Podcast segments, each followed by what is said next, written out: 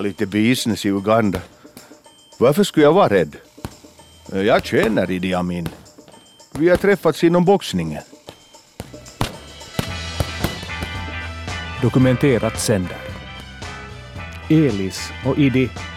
Ett program om vänskapen mellan den finländska boxaren Elis Ask och Ugandas fruktade diktator Idi Amin.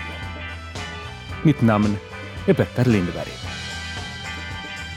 I think I am only one in the world who conquered the British in the uh, uh, in the black Africa and even now they are calling me black power in the continent of Africa.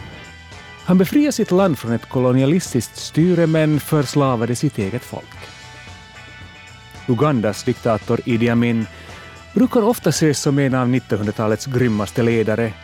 Nyckfull, brutal och fullständigt hänsynslös. Men Idi Amin hade också ett förflutet som tungviktsmästare i boxning och den här meriten förenar honom på ett märkligt sätt med en man i Finland i mitten av 70-talet.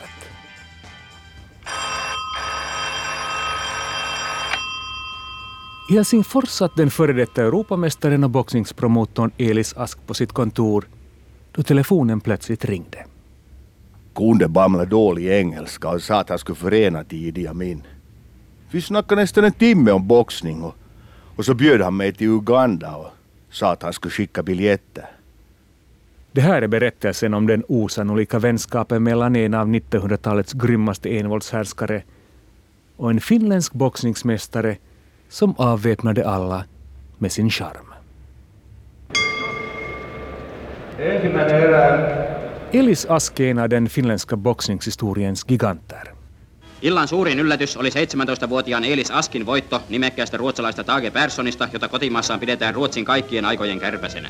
Ask hallitsi ottelua alusta alkaen rauhallisesti ja kaunista kaukonyrkkeilyä esittäen. Han var Europamästare i flugvikt år 1951 och efter sin aktiva karriär drev han ett boxningsstall med flertalet framgångsrika boxare såsom Olli Mäki och Pertti Purhonen. Men barndomen var svår för arbetargrabben som var uppvuxen i Berghäll på 30-talet, säger porrkungen och boxningsentusiasten Tom Sjöberg som kände Elis. Han var därifrån Kalliosknuten och var ju hem som halvpilade de där hörnen. Men nu berättade han ju om det också, han hade haft en hård barndom. Så var han ju ganska många år i Amerika när Jack Dempsey var hans manage. Och det var just då Oscar Kanel var där i Florida på Las Vegas och på de här boxningsplatserna så när de hörde att vi var från Finland så alla de här gamla boxningskunderna som var 80-90 och kom Howie Sealis, Howie Sealis. Så han var ett hårt namn i Amerika. Fly me to the moon, let me play among the stars Elis Ask prövade lyckan som proffsboxare i Amerika på 40-talet med legendaren Jack Dempsey som tränare. Men eh, under åren i USA säger han sig också blivit vän med den tidens celebriteter Louis Armstrong, Sammy Davis Jr och Frank Sinatra. Att han var nog sån att han gick in och lärde känna liksom alla Frank Sinatra och han tyckte om publicitet som alla, fast många säger att jag tycker inte om publicitet så lurar hon säkert just då att alla tycker ändå om att vara liksom kändis lite.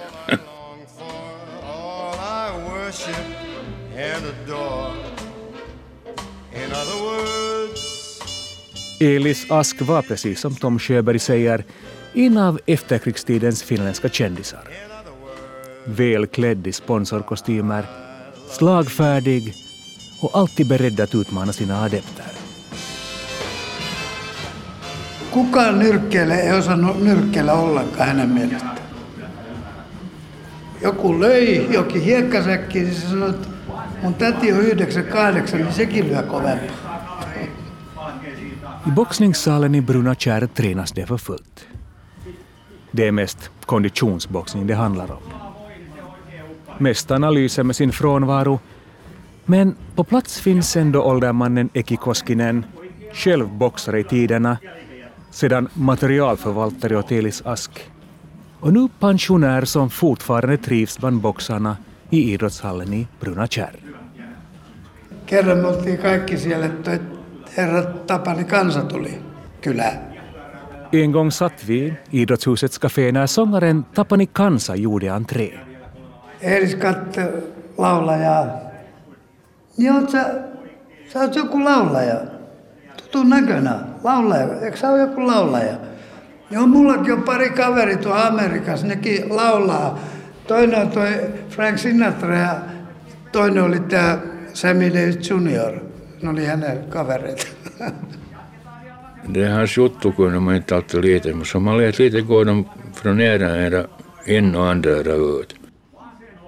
Men även om man kunde betvivla sanningshalten i somliga av Elis Asks berättelser så hade man förmodligen aldrig tråkigt i hans sällskap. Och det som var bra med Elis när jag följde med honom så där, det var boxningskvällar var det vart som helst på ishallen eller uh, Äh, urheilutalo eller kisahalli så han gick direkt in. Ingen stoppade honom aldrig. Det skulle inte lyckas för mig heller fast då den tiden så jag hade inte att jag skulle gå in bara utan men han gick in utan direkt förbi alla och ingen sa att hej, hej stopp, stopp att jag skulle förbi. Han gick bara, alla kände honom och på det sättet var han, han var nog ett stort namn. Elis var ett stort namn och på något sätt hade också hans rykte nått Idi Amin i mitten av 70-talet. Idi Amin hade en bakgrund som officer i den brittiska armén i Uganda men när landet blev självständigt år 1962 avancerade han och blev arméchef några år senare. You know, as a revolutionary leader and a strong man in the continent of Africa, När militären störtat den sittande presidenten Milton Obote år 1971 klev Idi Amin på allvar fram på den politiska arenan. Who can follow them. Idi Amin såg sig som en självständig ledare som befriat Uganda från kolonialväldet. Många i väst såg också Idi Amin som en välkommen efterträdare till Milton Obote som upplevts som alltför vänstersinnad. Jos ei Aminin kaappausta suoraan avustettukaan, siihen suhtauduttiin lännessä ja varsinkin vanhassa emämaassa Englannissa suopeasti. Ja tämä tieto Aminille varmaankin välitettiin. Enligt forskaren och författaren Hannu Pesonen gav britterna sin välsignelse åt statskuppen i Uganda år 1971. Däremot hade man inte räknat med att Idi Amin som fått sin militära skolning av britterna fort skulle vända gevärspiporna mot sina forna bundsförvanter. Aminhan kukisti kapinoita brittien laskuun Somaliassa, Keniassa itsenäisyyttä tavoittelevia maumau-kapinallisia vastaan, kotimaisia karjakiistoja. Armottomuus ja käskyjen sokea noudattaminen kyseenalaistamatta oli ainoa tapa edetä brittiarmeijassa. Idi Amin hade bekämpat uppror för britternas räkning men i början av 70-talet vände han England ryggen och fann nya vänner som knappast gjorde britterna glada. Russians are very good friends of not only myself and the people of Uganda, but they are very good friend of the all peace-loving country all over the world. And I wanted to assure you, whatever I get from Russia, I pay them cash. Idi Amin allierade sig med Sovjet, DDR och Libyens ledare Muammar Gaddafi och körde ut indierna ur Uganda eftersom han ansåg att deras affärsverksamhet var en kvarleva från kolonialismens tidevarv. Ongelma oli, että intialaisten merkitys Ugandan taloudelle oli paljon suurempi kuin juutalaisten natsisaksassa. Ja heidän häätämisensä ja liiketoimiensa lahjoittaminen täysin kyvyttömille Aminin kavereille romahdutti Ugandan talouden. Idi Amins reformer försatte landets ekonomi i kaos och bättre blev det inte heller av att Idi Amin utnämnde sig till landets envåldshärskare.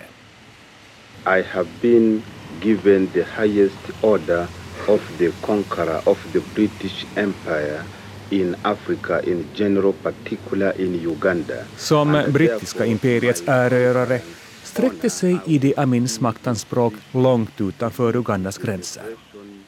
Han skulle bekämpa kolonialismen i Östafrika det fanns inget som kunde stoppa honom. Varken i grannländerna eller på hemmaplan där greppet om makten hårdnat med hjälp av östtyska Stasi. Ja sitten ei pidä unohtaa Itä-Saksaa, joka toimi Aminin kuulustelu-, urkinta- ja kidutuskoneiston eli valtion tutkimuslaitoksen pääneuvonantaja ja antajana ja arkkitehtina. Idi Amin drog nytta av Stasis kontrollsystem när han började förfölja sina politiska motståndare. Men trots att ekonomin blev sämre och förtrycket hårdnade så hade han fortfarande folkets stöd, säger Hannu Pesonen. Pikemminkin he näkivät tämmöisen suorapuheisen kansanmiehen, joka oli rakentanut oman ugandalaisen unelmansa, johon saattoi samaistua ryysyistä kultatuoliin, ja joka voisi auttaa heitäkin eteenpäin ja ylöspäin. Många såg i Idi Amin en folkets man som tagit sig ända till toppen. Och om han lyckats så skulle andra också göra det, verkar många ha resonerat.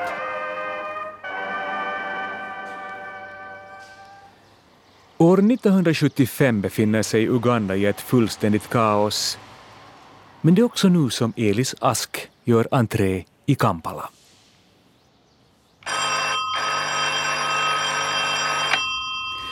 Fast resan föregås naturligtvis av det där oväntade samtalet och en misstanke från Elis sida om att kompisarna spelat honom ett spratt. Jag trodde att det var något jotto som mina kaverin hade hittat på. Men jag tog det sjönkarnat. Men visst blev jag lite nollo när det en månad senare kom biljetter och inbjudan att vara hedersgäst på mästerskapstävlingarna i Kampala. Och reisen var ju genast följande dag. Mä kysyin jossain vaiheessa, mi- miten se tapahtui, että sä niin kun menit sinne sitten, niin se kertoi tänne. Onko se yhtyneiden toimituksessa? Oli mennyt ja kova äänis kuulunut, että Eelis Aski puhelimeen. No se oli mennyt ja täällä Ugandan presidentin sihteeri. Eelis oli vastannut, että täällä on Charlie Chaplin heti. Enligt Eki Koskinen skulle Elis Ask på Idi Amins presentation ha svarat att han i sin tur heter Charlie Chaplin. Men precis som så mycket annat som rör Elis Ask så kan man inte vara helt säker, säger Tom Sjöberg. Det kom han ju alltid fram att han var så bra kaveri med Eddie Amin. Det skröt han ju hela tiden om. hur, det, hur det stämde sen, men nog var det någon kaveri var han med honom ändå. Händelserna blir berättelser och skrönor och inte heller den förestående resan till Uganda finns dokumenterad annat än i ett bildreportage från år 1977 i tidningen Seura. Det finns heller inget autentiskt ljudmaterial med Elis Ask förutom några korta snuttar på finska. No kyllä, mä ajat, kyllä mä tiesin, että hän on niinku Euroopan paras se kyllä nyrkkelee. Nu mutta visste jag han var bäst i sen Europa. Men jag är en sån naturbegåvning. Att när jag slår så svimpar kunden. Matchen stod och vägde. Men så knockade jag honom. Först med vänstern och sen med höger. Mä pääsin ensin vasemmalla ja sitten oikealla vetämään se knokikseen. Det som däremot finns i detta bildreportage i tidningen Seura och skådespelaren Paul Holländer som lånat ut sin röst åt boxarlegenden när han år 1977 drar till Afrika.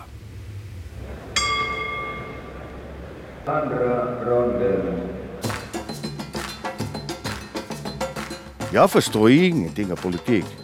Och inte bryr jag mig heller. Fråga mig om en vecka när jag är tillbaka hurdant det var i Uganda. Då kan jag svara bättre. Vad bryr jag mig om något koho? Jag åker vart jag vill. Försök nu klara er medan jag är borta. Se tuntui niin, niin utopistiselta, että tämmöinen hirmu hallitsija pyytää tonne, mutta sitten siitä tuli selväksi, että sillä oli itse nyrkkeilytausta. Ugandan me, raskansarjan mestari.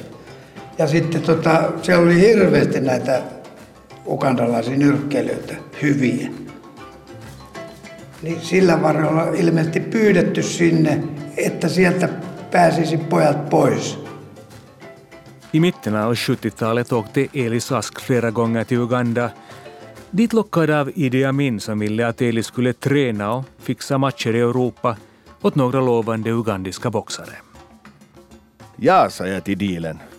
Jag tänkte att jag samtidigt skulle kunna kolla in lite boxare. De är jävla bra. Elis hade ingenting emot att åka till Uganda. I bästa fall kunde han ju slå mynt på de ugandiska boxarna eller i varje fall få en gratis vecka i Kampala. I bildreportaget från 1977 berättar han om ankomsten och hur det tvära bemötandet i tullen ändras så fort vaktstyrkorna genomsökt hans bagage. På flygplatsen i Entebbe hamnade jag i passkontrollen. Typen grävde i min kappsäck och hittade ett foto på mig och Idi Amin. Det gick liksom ett sus och tullarna ställde sig i aset. Vi blev behandlade som kingen och inte frågade efter någon valuta eller andra papper. Elis hade varit i Kampala redan tidigare. Bilden där Elis och Idi poserar är tagen redan år 1974 då de första kontakterna etablerats. Det är också från den första resan som det tydligaste minnet av diktatorn härstammar. En svart bil väntade på flygplatsen och när vi åkte in till Kampalas International Hotel så var pressen emot oss. Jävla stor var han. Och visste en massa om boxning. Och vänlig och gästfri var han också. Ordnade bil och kusk åt oss för hela veckan. Nå, nu var det ju horiga juttu man hade hört om Idi. Men jag var bara intresserad av boxning. As a true African, I don't want to speak to you in a foreign language. Diktatorn som förknippats med arkebuseringar, tortyr, mord och kannibalism är i Elis Ask-sällskap en artig värld som föredrar att tala om boxning. Jag ska föra en present åt Idi. Det är ett inramat foto på mig och Idi när jag hälsade på honom förra gången i Kampala.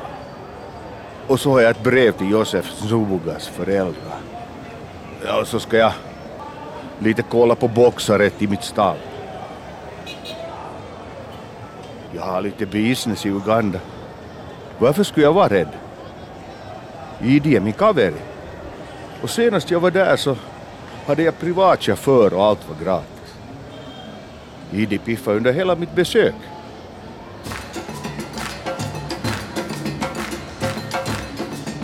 Men när Elis år 1977 på nytt är på väg till Kampala befinner sig landet i kaostillstånd. I bildreportaget berättar Elis hur oron i Uganda smittat av sig på honom. Nå, när vi sen satt i planen från Bryssel till Entebbe så började jag lite skagga. När jag tänkte på de där juttorna om att det är nirri väx på varannan typ. Men egentligen var det nog helt kiva att spänna lite. Ja, det har jag inte gjort sedan jag själv matchade.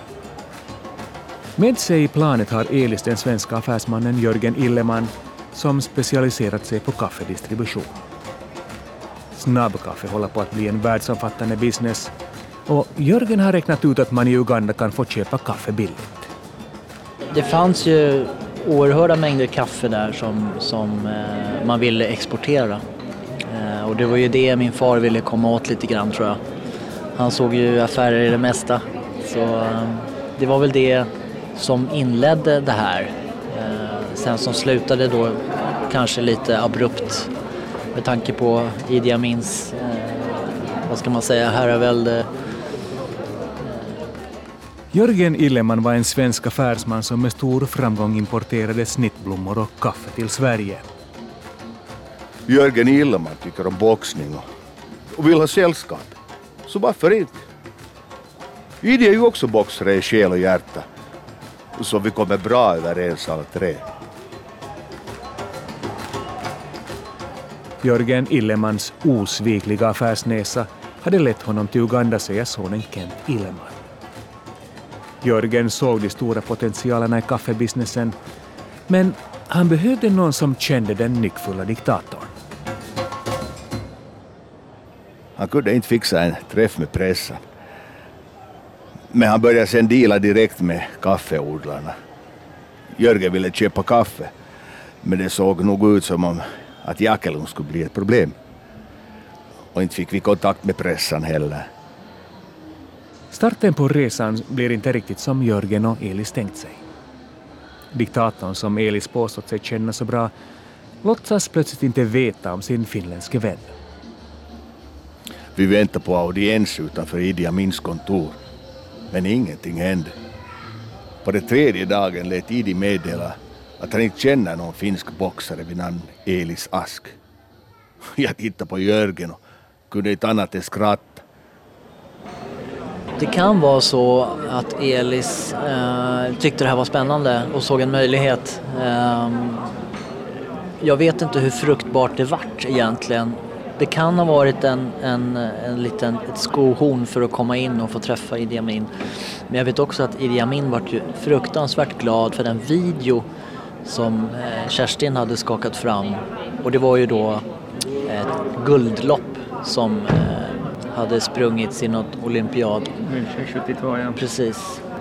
Vad var det han hette nu? Eh, John Akiboa. John Akiboa, exakt.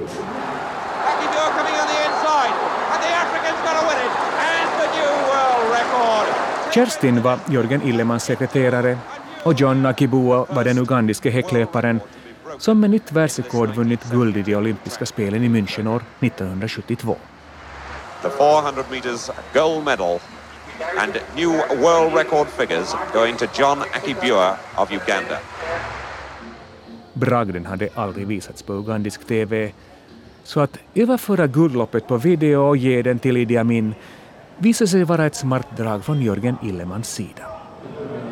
De hade ju till och med sänt det i, i, i nationell television kvällen efter. Så det var ju, det var ju ett, jag vet inte om man sett smart drag, men det var ju liksom fantastisk möjlighet tror jag för att komma in i det här. Och där var väl kanske inte Alice så mycket eh, inblandad men, men eh, jag tror att det var på något sätt så försökte man, han väl, som jag också skulle göra, man försöker ju med alla möjliga knep när det finns en, en affärsmöjlighet.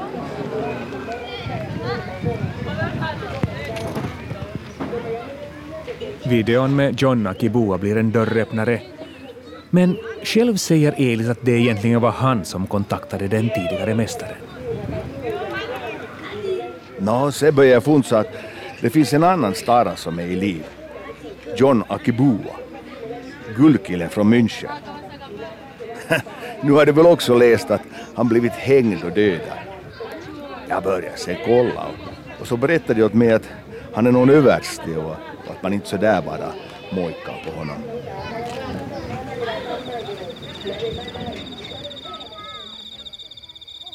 Jag får sen och vänna utanför.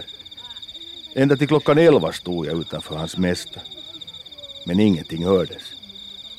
Sen delade vi om en ny träff följande dag. Jag stod utanför någon jävla bank i flera timmar. Men typen syntes inte till. Så, så jag for till hans himma. Nu kom han sen till slut. På backen stod en merso och själv kom han med en pöse. Han är överste inom polisen. Vi bamlade en stund och blev riktigt kaverin. Hur det än ligger till med sanningshalten så är kontakten med Idi Amin i varje fall återupprättad. En sen kväll får Elis och Jörgen äntligen besök. Nej men alltså de fick ju träffa honom till slut. Eh, de satt i något rum och väntade länge, länge och då hade det mitt i natten så hade det bankat på dörren i, hans, i det rummet han sov. Då hade han öppnat och då hade det varit två svarta stora killar där bara. Ja, kom med här Idi Amin, vi pratar med dig. Och sen åkte han iväg och det var, det var ju kolmörkt lite och ja, förmodligen för att det kanske var, de kände lite oro kring, du vet, ljusan dagen och allt det här. Så det kan mycket väl vara därför att de åkte mitt i natten. Eh, men sen så blev han satt på ett rum och så fick han vänta där. Eh, och efter lång tid så kom den här stora, han var ju rätt stor Idi Amin. Eh, och stor hand och pappa sa att han kommer ihåg att han hade en stor pistol och att han hade en jättestor hand som han skakade hand med. Vad säger man, ett fast grepp i handskakningen. Ehm, och han insåg att uh, ja, men this is for real. Så han berättade liksom att ja, men, eh, vi är intresserade av att, att exportera kaffe härifrån och, och så vidare.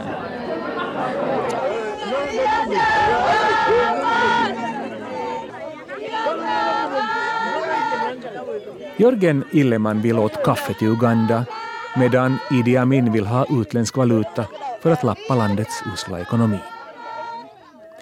Uppenbarligen är utsikterna för ett avtal goda och Elis och Jörgen blir inbjudna till en stor fest i Kampala.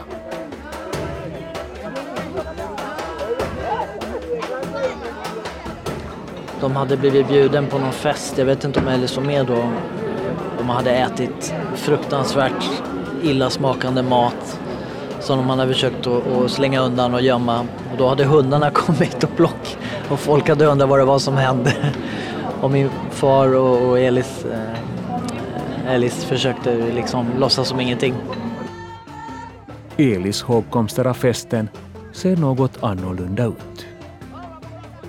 Det var minst tusen människor och jävla helgen. Som det nu brukar vara på sådana här pippar. Så inte var det många ord vi hann växla. Lite nervös var jag nog om han är en sån att han tar livet av varannan. Men jag och Jörgen var ju två och båda kom vi ju tillbaka. Så kanske han inte var sån kovis. Inte tycker jag att han ändrats något på ett par år. På lika gott humör var han nu också. Elis rör sig som fisken i vattnet och kan till och med kosta på sig lite falsk blygsamhet. Och inte är det nu så viktigt att träffa pressen. Nu har jag också träffat Filippinernas president Ferdinand Marcos. Vi kollar på Ingos match och på min andra sida satt svenska kungen.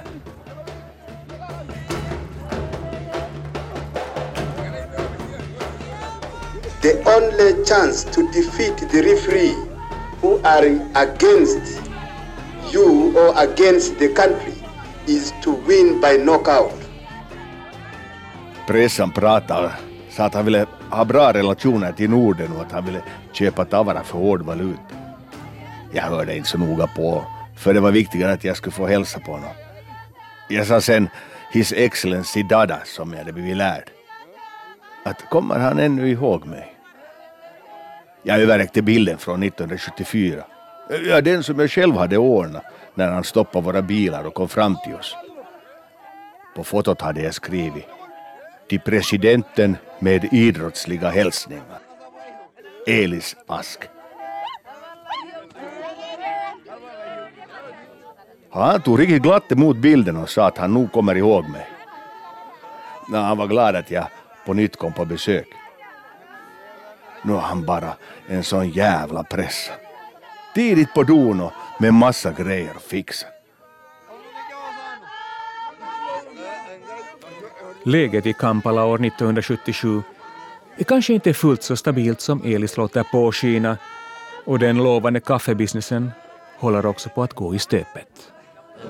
Åk därifrån innan, innan det är för sent eller innan ni fastnar. Därför att det är... Han är helt enkelt en mördare liksom. Så att, Den här affärsmannen har nog varit jävligt nöjd med förhandlingarna. Det går nog bara ett par veckor så ringer han på nytt och undrar om vi inte snart ska åka till Afrika igen. Men det blir ingen ny resa för vare sig Elis Ask eller Jörgen Illeman. Jag vet att min far flyttade till Genève några år och det var nog ganska tätt inpå eh, där han blev ansvarig för eh, något kaffebolag eh, ja, det har ju hänt så mycket så man blandar ihop allting. Men han, eh, och då bodde han i Genève i flera år. Eh, och jag tror inte att eh, han hade nog mest en, en eh, ett leende på läpparna av minnet kring det hela. Och I och med att det var så oroligt där nere så, så tror jag att han släppte det rätt fort och, och gick vidare helt enkelt i, i andra affärer. Elis återvänder till Finland och berättar för sina kompisar, bland dem Eki Koskinen, om vad han varit med om. Mutta niin se sanoi, että ei se niin paha ole ollut, mitä lehdiset kirjoitti. No ei varmasti hänen aikansa. Nukku hienoissa näissä, missä nyt valtion päämiehet nukkuja. Eikä mikään maksanut mitään. En statsmans bemötande och allting gratis Men samtidigt kanske en misstanke om att han och Jörgen ändå lämnat Uganda i grevens tid. Idi verkar vara en jämtig kaveri.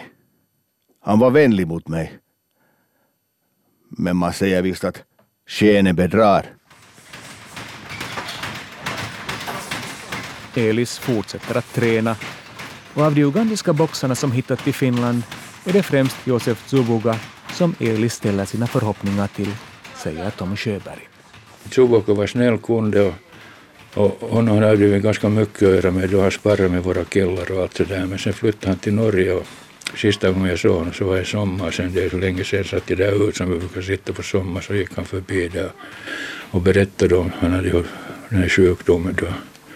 Var det då Parkinson eller vad han hade. Och vi pratade en stund där då och så sa han att han trivs där i Norge. Att han, det var sen efter, lite efter det så dog han ju sen.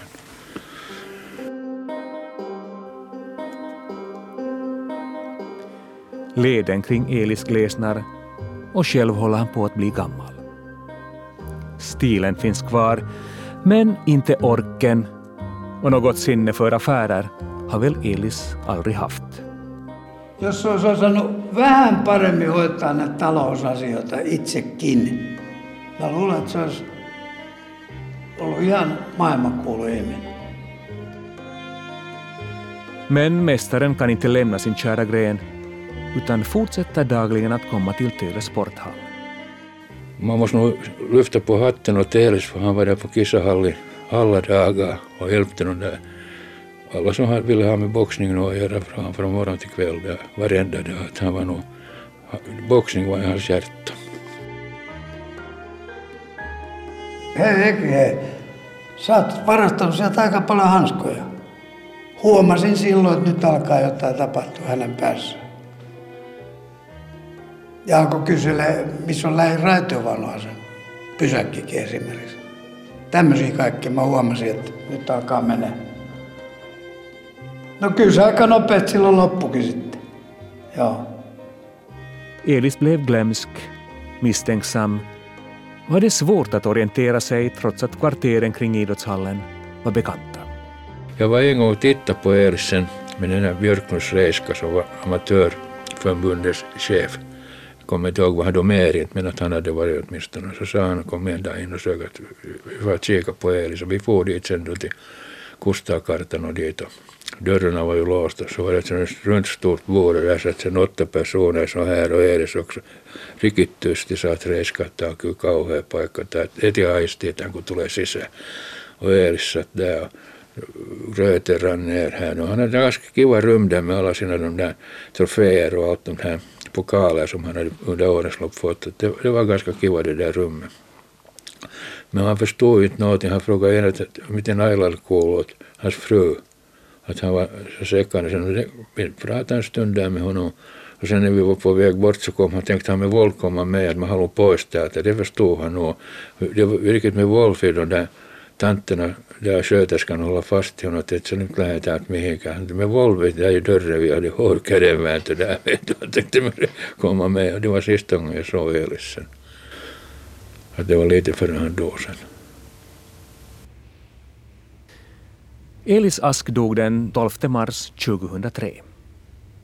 Hans tidigare kompis Idi Amin, som levt i landsflykt i Saudiarabien sedan 1981, överlevde Elis med ett halvår. Europamästaren Elis Ask var borta. Afrikas tungviktsmästare och diktator Idi Amin likaså. Vi pratar mest om boxning.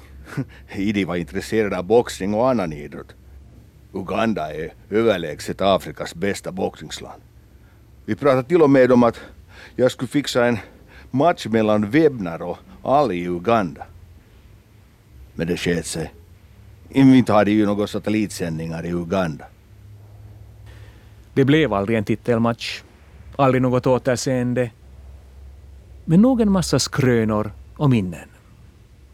Att han var stor, stor man, boxningsgrandol man, som jag måste nog säga, jag pratade med Ilmo mycket om honom, Ilmo Lånesheim, och han höll också Elis för. Och på den tiden var han ju stor, det fanns televisionen var inte så mycket med då när han gjorde det. och gamla mässhallens sida som var, tog in 28 000 människor, så det var full alla kvällar han gjorde. Och sen på den tiden, som var hemskt viktigt att säga, alla som kom på en boxningsgala hade kostym på, kravatt och damerna hade fina kläder på, satt på första och förstås alla andra också. Jag kommer ihåg när vi stack som yngre kunder att kika på boxning, satt vi kostym på allt. det var stel för dem. Vet du. Och Elis kom in med sån här vit rock eller, eller smokingtack eller vad som helst, huvudnyrkeln just det, vet du, det var sån där. Vet du. Det var nog, det var nog, nog vet du, han var, det han var nog liksom min esikuva lite. Elis Ask, pippurinen ja pieni suurnyrkkeilijämme, antoi nyt oman yleisön edessä vakuuttavan kuvan kunnostaan ja mahdollisuuksistaan suuressa maailmassa.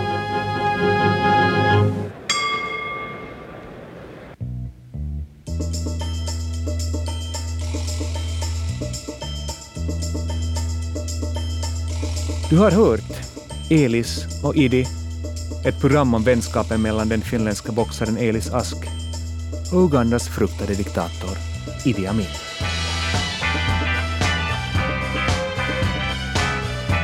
Programmet medverkade boxaren och Elis Asks medhjälpare Eki Koskinen, promotorn och porrkungen Tom Sjöberg, forskaren Hannu Pesonen och Kent Illeman, son till affärsmannen Jörgen Illeman.